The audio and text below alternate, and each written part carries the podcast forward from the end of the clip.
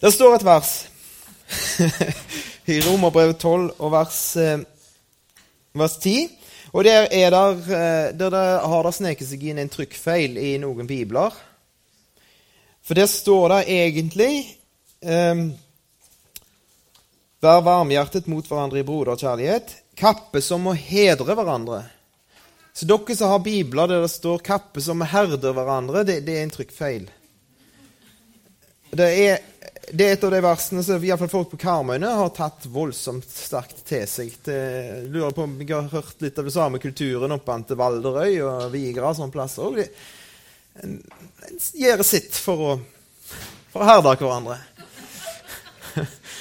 Men, men, egentlig så står der kappe som hedrer hverandre. Og han, eh, han Erlend han gjorde jo det i går, så da må, må jo bli med i konkurransen. Så Hvor er han egentlig? Det er han. For Margitta jeg òg har sett voldsom pris på å bli kjent med Erlend og Henriette. Og det er, har vært kjekt. Den litt for korte tida vi egentlig har fått til å forberede dette her i lag, så har det vært en berikelse. Og det er utrolig kjekt å møte folk som er yngre enn meg, for jeg begynner jo å bli gammel, eh, som har lyst til å investere livet sitt i det som har med Jesus å gjøre. Og spesielt investere livet sitt i Guds ord og i å formidle det til andre. For det er noe av det som har vært den største berikelsen i mitt liv det er at noen andre har gjort det, og så har jeg fått sitte og høre på dem. Og så har jeg fått se noe, noe som er så flott at det har tatt tak i hjertet mitt. Og det som var med på den tjenesten, og ville være med på den tjenesten, det er noe av det største du kan velge. og Derfor er det så oppmuntrende med bl.a. Erlend og, og Henriette. Og mange andre. Og nå er det noen her som er yngre, og når jeg var i ungdomstida, så brukte vi mye tid på å se um, Bud Spencer-filmer. Bud Spencer og Terence Hill som slo løs på hverandre og andre. og Folk føk veggimellom. Det var voldsomt morsomt. Eller løye, som jeg egentlig sier. Men uh, det var ikke spesielt verdifull uh, bruk av tid. Og ellers så sto vi ofte på, på Åkra så sto vi i rekke med biler nede med pølsebue.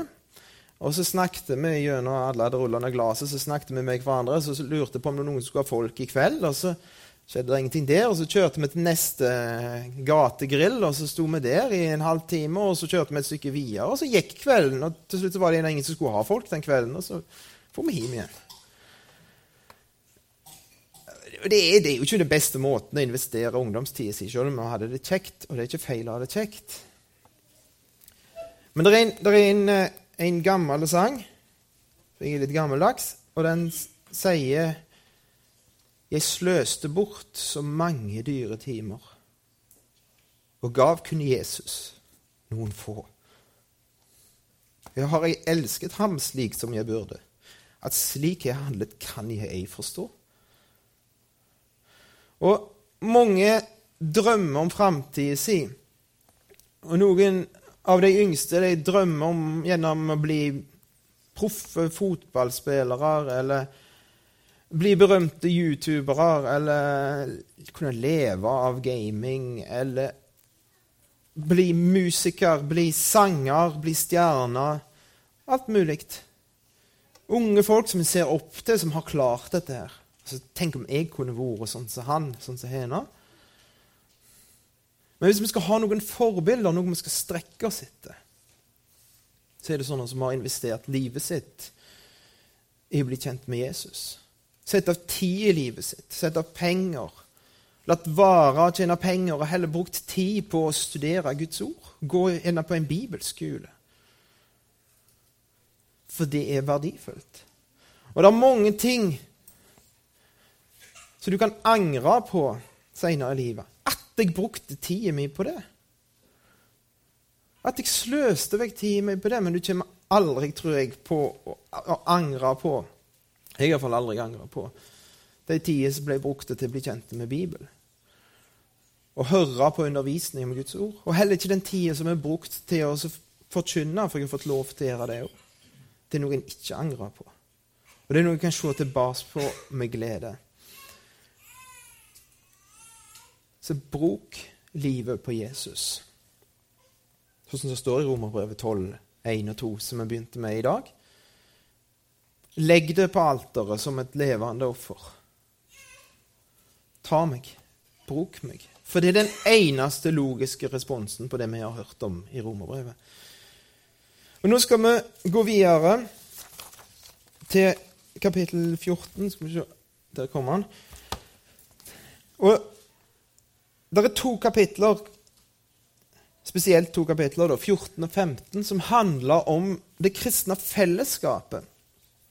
Og hvis du ikke vil ha noen problemer, noen problemer med uenigheter, med at du blir gjerne til og med litt uvenner med folk og Sånn så er det bare å sette seg på et rom for seg sjøl. Være aleine. Sette deg med, med datamaskiner. Men hvis du vil ha litt utfordringer og litt gnisninger og litt gjerne livlig uenighet, så bare å være i lag med andre kristne. Og enda mer prøve å gjøre noe i lag med andre kristne. Bestemme hva du skal gjøre, og hvordan du skal gjøre det, og hva som er rett, og hva som er feil. Altså. Så blir det utfordringer. Og den menigheten som, som romerbrevet er skrevet til, det er en menighet som besto av, av eh, Vi vet ikke hva, andeler det var, men det var helt tydelig, ut ifra måten Paulus skriver på, så var det en, en god gjeng med jøder som var kristne. Jøder som hadde strenge regler for hva de kunne ete, og hva de ikke kunne ete, hva de kunne drikke, og hva de ikke kunne drikke. Det var det de var oppdratt med. De hadde det i, i blodet, rett og slett. Det var ifra de var små. Og det var ting som var, var avskyelig for dem. Når, når Peter han, han eh, fikk et syn ifra himmel og så sier Gud til han, Peter, se her, det, det kommer en duk ned med all slags dyr. Og, og, og så sier Gud til Peter, slakt og et. Og så sier, så sier Peter til Gud, nei, hold an et øyeblikk. Nei, dette, jeg har aldri smakt noe sånt i hele mitt liv. Jeg skal iallfall ikke røre det. Så dypt satt det i han. Men Han måtte vel se det tre ganger før han forsto hva som var poenget med det. For han så var det utenkelig. Og så hadde du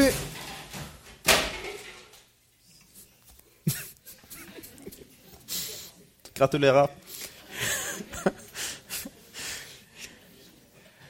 Så hadde du eh, folk som var hedninger, som ikke var voksne opp med noe av dette. Som var frie og hadde ete alt mulig og drukket alt mulig, og ikke hadde noen begrensninger på mat og drikke.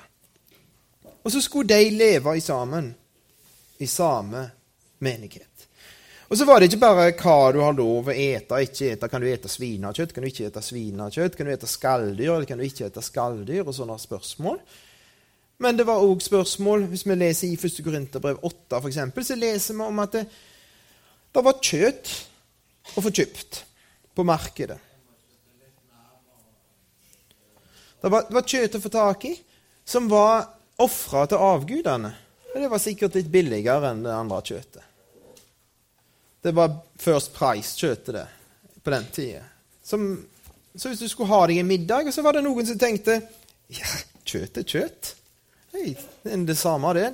Det er bare noen proteiner.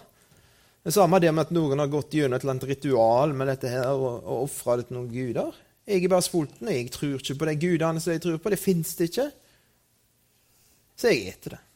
Og så var det noen andre som, hadde, som fikk dårlig samvittighet av å ete det kjøttet der.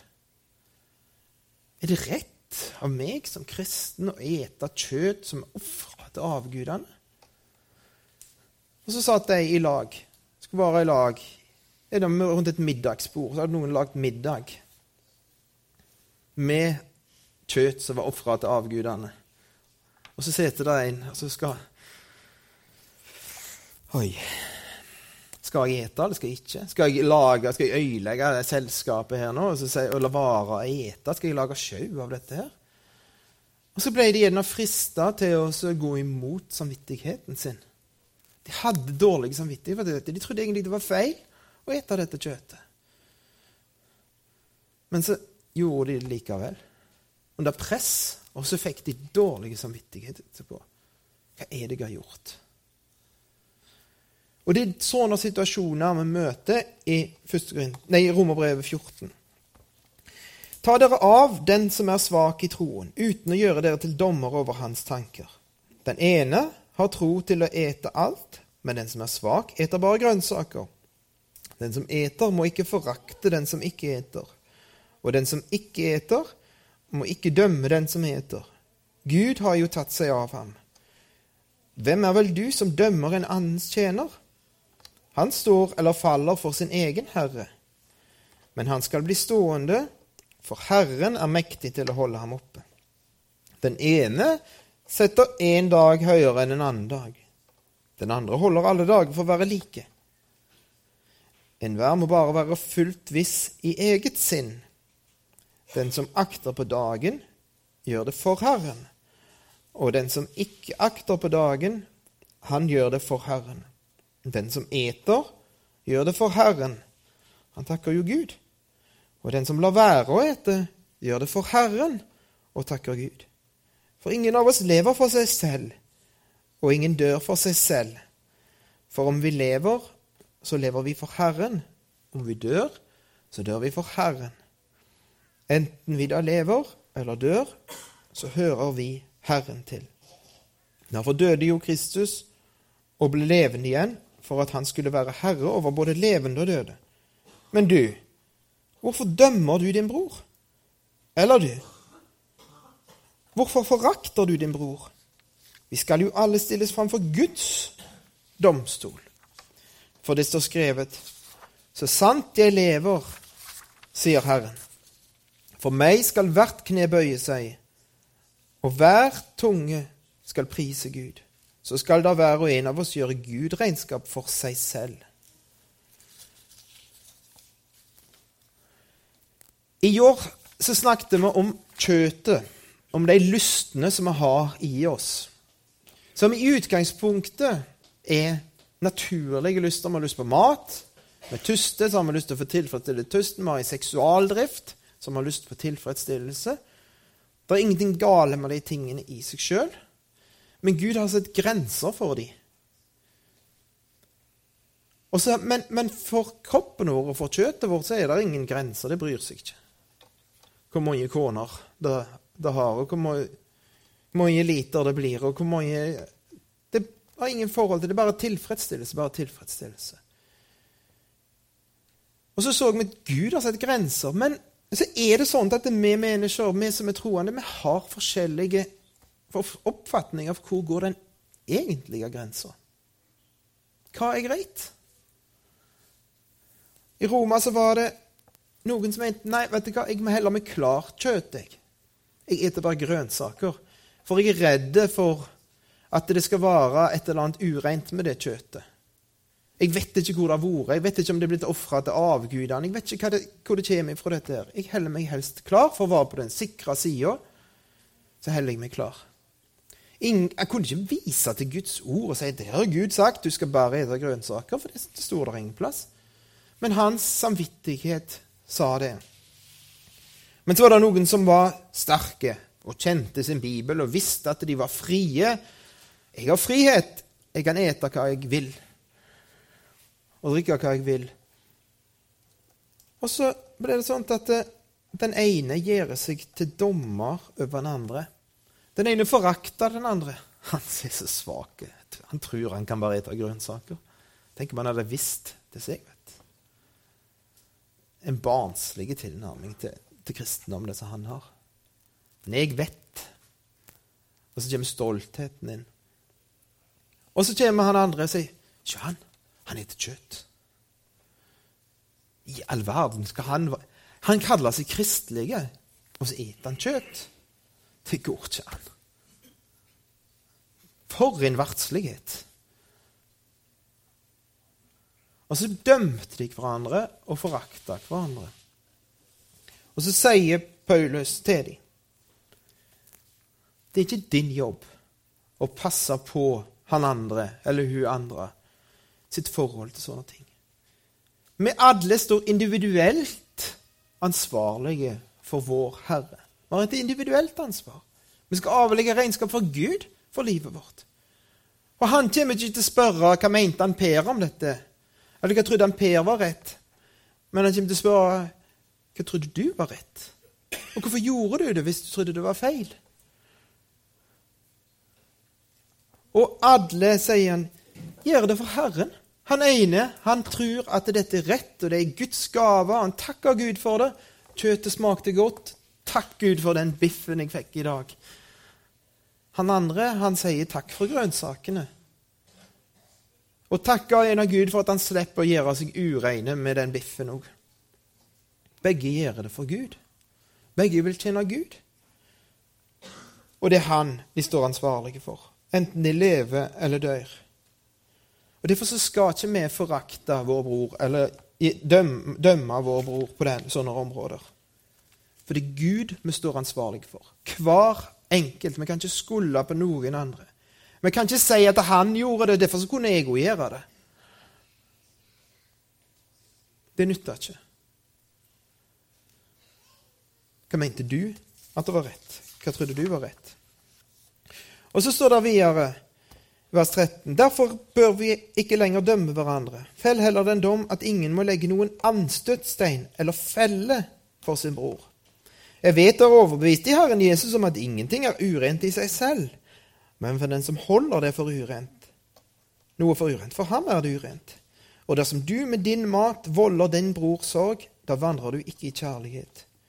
Du må ikke med din mat føre den i fortapelse, som Kristus er død for. La da ikke det gode dere har, bli spottet. Guds rike består jo ikke i mat og drikke, men i rettferdighet og fred og glede i Den hellige ånd. For den som i dette tjener Kristus, er til behag for Gud og står sin prøve for mennesker. La oss da jage etter det som tjener til fred og innbyrdes oppbyggelse. Bryt ikke ned Guds verk på grunn av mat. Ganske visst er alt rent. Men det er ondt for det mennesket som eter det når det er til anstøt.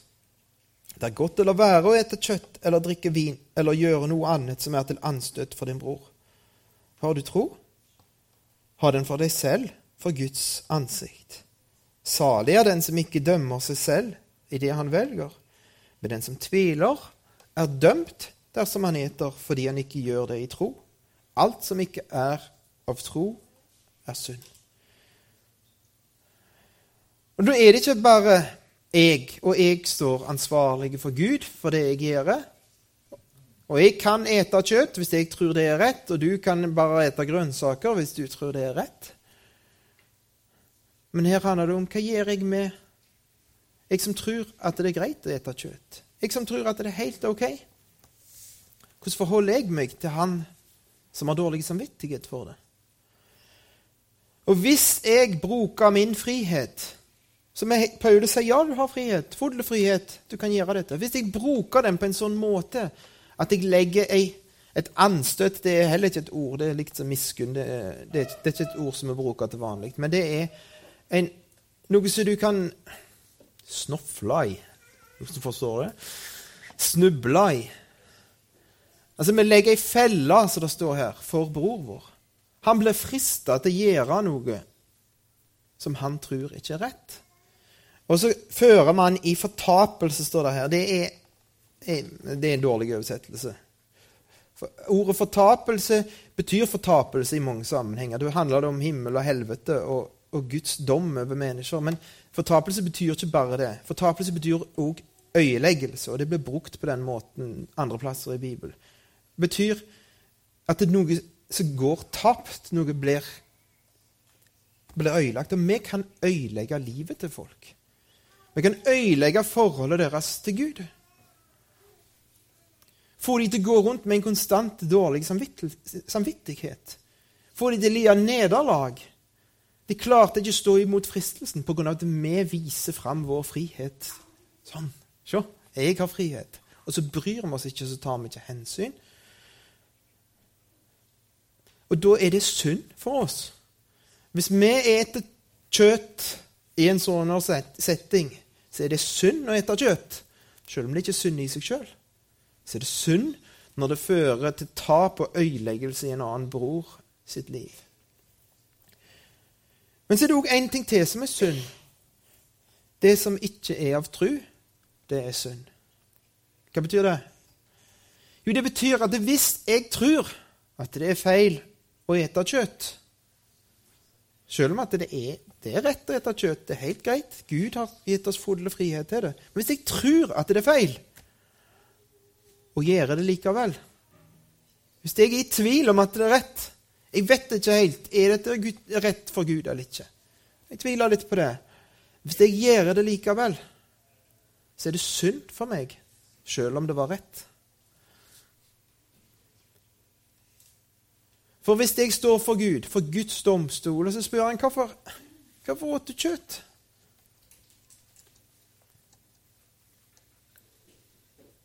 Ja, men jeg, jeg, visste ikke om det var rett.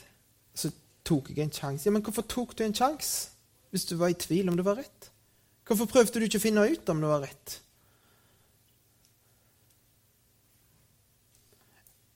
For det handler om vårt forhold til Gud. Det handler om Betyr Hans vilje noe for oss? Betyr det noe for oss hva Han vil? Og selv om vi tror feil og tenker feil om ting, og tenker at det er noe som er rett, at det er synd, så blir det likevel synd for oss hvis vi gjør det utenfor tro. Men så er det selvsagt ikke meningen det må sies, det er ikke meningen at vi skal vare i en tilstand der vi går rundt og er redde for å ete, ete kjøtt. og det er friheten som er det rette. Og etter hvert så skal ikke den svake med den svake samvittigheten han skal ikke være svak hele livet. Han skal få kunnskap med å lese Guds ord. Med at Guds ånd lyser opp for ham, så skal han få en, et rett forhold til de tingene. Og kunne forholde seg rett til det og leve rett i forhold til det. Og nyte det som er Guds gaver, på en god måte innenfor de grensene Gud har sett. Men i et fellesskap der det er forskjeller, så må vi leve sammen på den måten som Paulus sier. Vi må ta hensyn til hverandre. Vi må passe oss at vi ikke fører noen andre til fall. Men så kommer det et, en ny side med dette her. For det handler ikke bare om at vi står individuelt ansvarlige for Gud, og at vi skal tenke på min neste, min nærmeste, min, eh, min bror. Men det handler òg om enhet i fellesskapet. Vi som er sterke, skylder å bære skrøpeligheten hos dem som er svake, og ikke være oss selv til behag. Enhver av oss skal være til behag for sin neste, til gagn og oppbyggelse for ham. For heller ikke Kristus levde for seg selv til behag, men som det står skrevet, hånsordene fra dem som håner deg, falt på meg. Ja, men det er urettferdig. At jeg, at min frihet skal begrenses av andres dårlige samvittighet. Det er urettferdig, det. Ja, men Kristus òg tålte urettferdighet.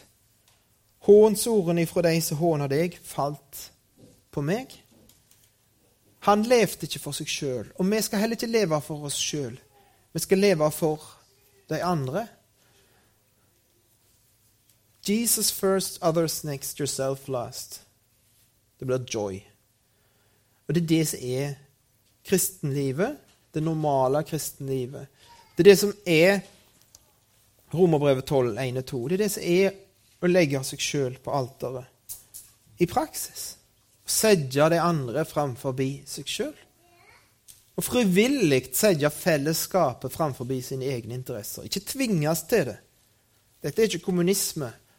Dette er ikke at du skal tvinges til å leve for alle andre, men du skal frivillig sette dine interesser til sides for å leve for de andre. Hvorfor det? Jo, og alt som før er skrevet, det er skrevet til lærdom for oss, for at vi skal ha håp ved det tålmodet den trøst som Skriftene gir. Må så tålmodets og trøstens Gud gi dere å ha ett sinn innbyrdes, etter Jesu Kristi forbilde, for at dere samstemmig og med én munn kan prise Gud, vår Herre Jesu Kristi Far. Ta dere derfor av hverandre.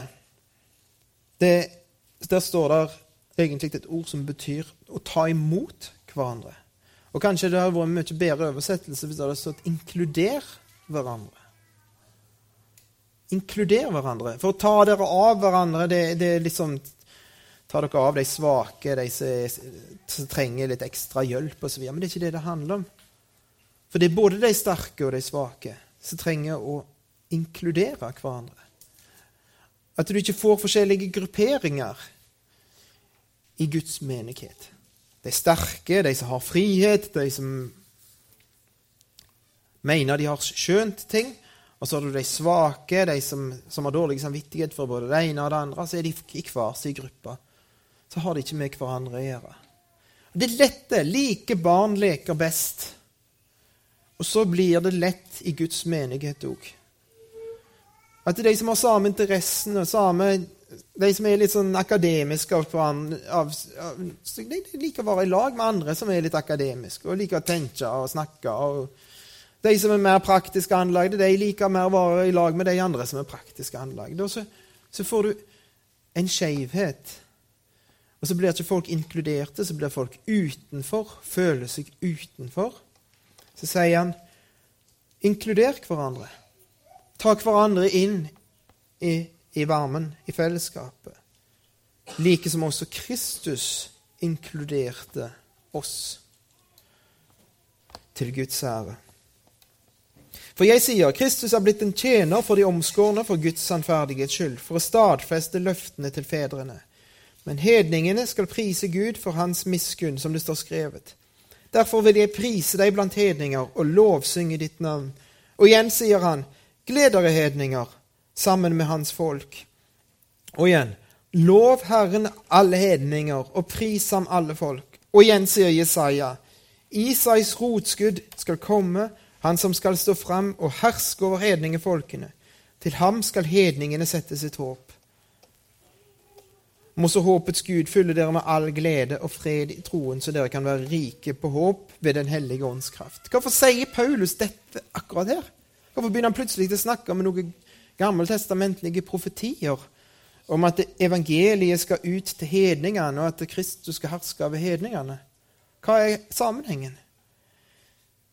Jo, sammenhengen er at Guds store plan var en menighet som var ett der jøder og hedninger satt i lag, delte fellesskap. Det skulle bli én menighet. Ett hus. Det er noe av det Jesus døde på korset for. Å skape denne enheten. Det er jøder og hedninger med de forskjellene, de kulturforskjellene, som er mye større enn kulturforskjellene mellom sunnmøringer og bergensere.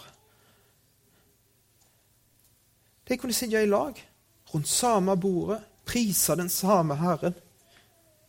Nyte den samme, det samme ordet. Lovprise Gud i lag og leve i lag for Han. Menn og kvinner, slaver og herrer. Ikke bare slaver og herrer, men slaver og herrene deres. Som ute i arbeidslivet var på i hver sin posisjon. Satt i lag på like fot, var det ingen forskjell i Kristus. Unge og gamle. Det er det, som er, det, er det Gud ser for seg i sin menighet. Hvordan er det i dag? Noen plasser så har de ett møte for det gamle.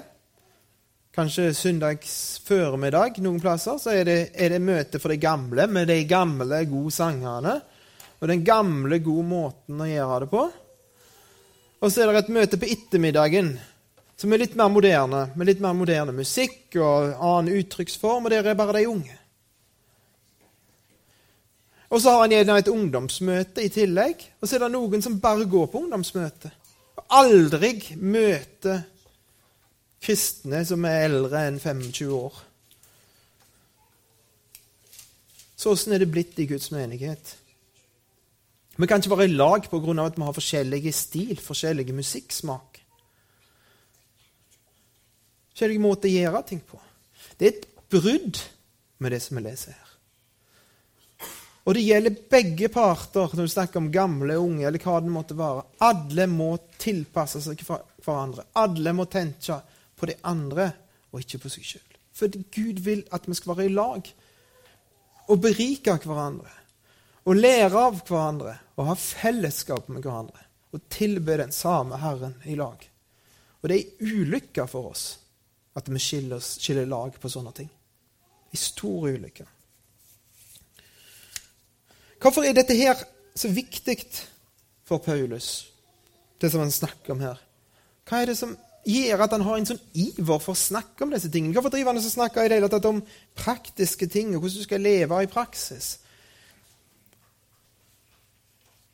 Mine brødre, vers 14.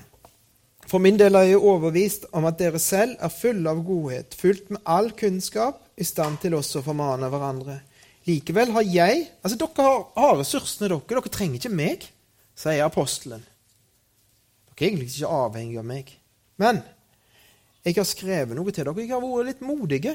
Jeg har sett fingeren på noen ømme punkter hos dere nå. Og jeg er klar over det, sier Paulus. Det gjorde litt vondt at det ble pirka i disse tingene. Pirka litt i livet deres. Men dette har jeg gjort for jeg har fått ei oppgave av Gud. Likevel har jeg skrevet, dels skrevet noe djervt til dere for å påminne dere ved den nåde som er gitt meg av Gud, at jeg skal være Kristi Jesu offerprest for hedningene. Jeg gjør hellig tjeneste med Guds evangelium for at hedningene kan bli et offer til behag for Gud, helliget ved Den hellige ånd. Hans tjeneste, hans jobb, var at de i Roma og egentlig vi òg, skulle bli sånn at det, det lukta godt. Når vi lå, ble lagt på alteret, så steg der opp ei god lukt til Gud. Noe som gjorde han glad. For det er han det handler om. Det handler ikke om hva jeg liker, hva jeg ikke liker, hva jeg syns er kult, hva jeg ikke syns er kult, hva jeg syns er kjedelig, hva jeg syns er ikke kjedelig. Det handler om hva Gud får ut av det, først og fremst. Det er ikke hva kan jeg få ut av dette her? Hva kan jeg få ut av denne menigheten, først og fremst? Hva kan jeg få ut av livet mitt? Men det hva kan han få ut av menigheten? Hva kan han få ut av meg? Hva kan han få ut av livet mitt? For vi lever ikke lenger for oss sjøl, men for Han som døde og oppsto for oss. Og Det er den tjenesten Paulus står i. Og Det er derfor, sier han i videre, at han har reist rundt fra plass til plass og lett etter plasser der Kristi navn ikke er blitt nevnt før. For han har lyst det skal bli enda flere på det alteret. Enda flere hedninger. Levende offer på alteret. Som frivillig legger seg sjøl på dette alteret. For de har sett storheten i hva Gud har gjort. Og så drømte han om det for romerne òg. Og så ble han forhindra i å komme til dem. Og så tenkte han nå skal jeg snart, skal jeg snart komme meg til, til Roma. Jeg skal til Spania, sier Paulus. Om han noen gang kom til Spania, det vet vi faktisk ingenting om. Men da skal jeg stikke innom dere i vers 24. Men nå skal jeg til Jerusalem i tjeneste for de hellige. Jeg skal med en, en gave. Noe, jeg har samlet noe penger, noe rikdom fra hedningene som skal tilbake til der det kom ifra, til jødene. Og så skal jeg komme til dere. Og når jeg kommer til dere, så er det ikke en fattig mann som kommer til dere. Det er en rik mann som kommer på besøk. Jeg vet at når jeg kommer til dere, vers 29, skal jeg komme med en fylde av Kristi velsignelse. Var Paulus rike? Han sier at han hadde prøvd å leve i overflod. Hva han mente med overflod, er ikke godt å si. Det er sikkert ikke det vi mener overflod. For han sa at vi skulle nøye oss, hadde vi mat og klær, så skulle vi være fornøyde med det. Men han levde òg i ytterste fattigdom. Han opplevde å miste alt. Men så sier han i andre Korinterbrev At vi er som fattige, som likevel gjør mange folk rike. Paulus var en rike mann. For han hadde fått tak i de gode nyhetene i evangeliet, i det som har lest i Romerbrevet. Så Gud har sagt til oss denne veka, for det er hans evangelium, det er hans gode nyheter vi har hørt om. Og Erlend jeg i, i vår ufullkommenhet har prøvd å dele det, men det er Guds ord. Og det er en rikdom, en rikdom som er større enn alt som finnes i denne verden. All tilfredsstillelse som finnes i denne verden, kan ikke måles med den rikdommen som ligger der. Og så kommer Paulus som en rik mann og sier jeg skal ha med meg noe. Jeg kommer, kommer ikke tomhendt. Jeg har noe godt jeg vil dele med dere. Men det er ikke bare Paulus som skal ha det sånt. Du og jeg skal ha det sånt. Når vi kommer sammen i forsamlingene der vi hører hjemme, la oss ha med oss noe. La oss ikke komme tomhendte inn i Guds hus, men la oss ha med oss noe. At vi er rike, vi òg, som kan dele med hverandre. Så blir det velstand iblant oss. Store velstand som flyter ut til andre. Og så kommer det inn et avslutningskapittel i Romerbrevet. Og det syns jeg er interessant. For at eh, Paulus han hadde aldri vært i Roma. Men det er gått over 20 personer som blir nevnt med navn. Noen av dem blir ikke nevnt med navn, men det er enkeltpersoner som Paulus kjenner. Og ikke bare at Paulus kjenner dem, men han setter pris på dem. De har betydd noe for han. De har stått i lag med han i kampen. Og apostelen Paulus, han som ble velsigna med så mye kunnskap, så mye innsikt, så mye visdom Han fikk se noe så store åpenbaringer. Han klarte seg ikke sjøl, han heller. Han måtte stå i lag med andre. Og ingen av oss her i denne forsamlingen her Enten vi er ekstroverter eller introverter eller hva vi er for noen verter. Vi klarer oss ikke sjøl. Vi trenger Guds menighet. Vi trenger hverandre. Og Noe av det beste vi kan få oppleve i livet, det er at vi kan få stå sammen med noen andre. Det blir knytt bånd. Når du får lov å være i lag og tjene Gud i lag og oppleve Gud i lag, så blir det knytt noen bånd som varer livet ut. Selv om en bor på forskjellige plasser, så blir vi glad i hverandre. Jeg tror vi skal være glad i hverandre i all evighet. Vi deler noe i evigheten. Og så hadde Paulus det. Og så nevner navn etter navn etter navn. Folk som hadde betydd noe for ham. Og så hilser han de, og så slutter han med dette i vers 24. Vår Herre Jesu Kristi nåde være med dere alle. Amen. Men Han som er mektig til å styrke dere etter mitt evangelium og forkynnelsen av Jesus Kristus. Trenger vi kraft i livet vårt? Er vi, føler vi oss svake? Føler vi at vi ikke klarer oss? Jo, da trenger vi evangeliet og forkynnelsen av Kristus. Og det gir Gud oss kraft, Han som er mektig til å styrke dere etter åpenbaringen av den hemmelighet som det har vært tiet om i evige tider. Dette som jeg har fortalt dere nå, sier Paulus, det er en hemmelighet. Dette er noe som var skjult. Noen skjulte skatter som er blitt oppdaget nå. Noen fantastiske ting. Se hva vi har fått. Men som nå er kommet fram for lyset, og etter den evige Guds befaling ved profetiske skrifter er blitt kunngjort for alle folk for å virke troens lydighet. Ham den eneste vise Gud, ved Jesus Kristus, tilhører æren i all evighet. Amen. Og det vil vi også si amen til. Far, du som vi kan få kalle for far, du som har ført oss inn ifra et, og fra å være dine fiender, som ikke brydde oss noen verdens ting om hva du mente, og at vi var skapt av deg men levde våre egne liv og gikk våre egne veier. Du har ført oss ifra å være Guds hatere til noen som elsker Gud. Du har vist oss hva du har gjort for oss når du gav oss din sønn. Du har vist hva du har gitt oss. Når du har gitt oss et nytt liv. Du har gitt oss de rikeste skattene, de dyreste løftene.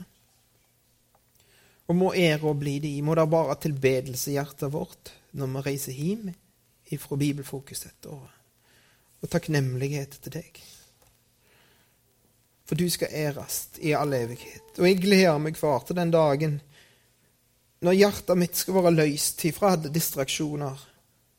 Og så skal jeg prise deg på en sånn måte som jeg ikke kan her. Av hele hjertet. Av hele sjela.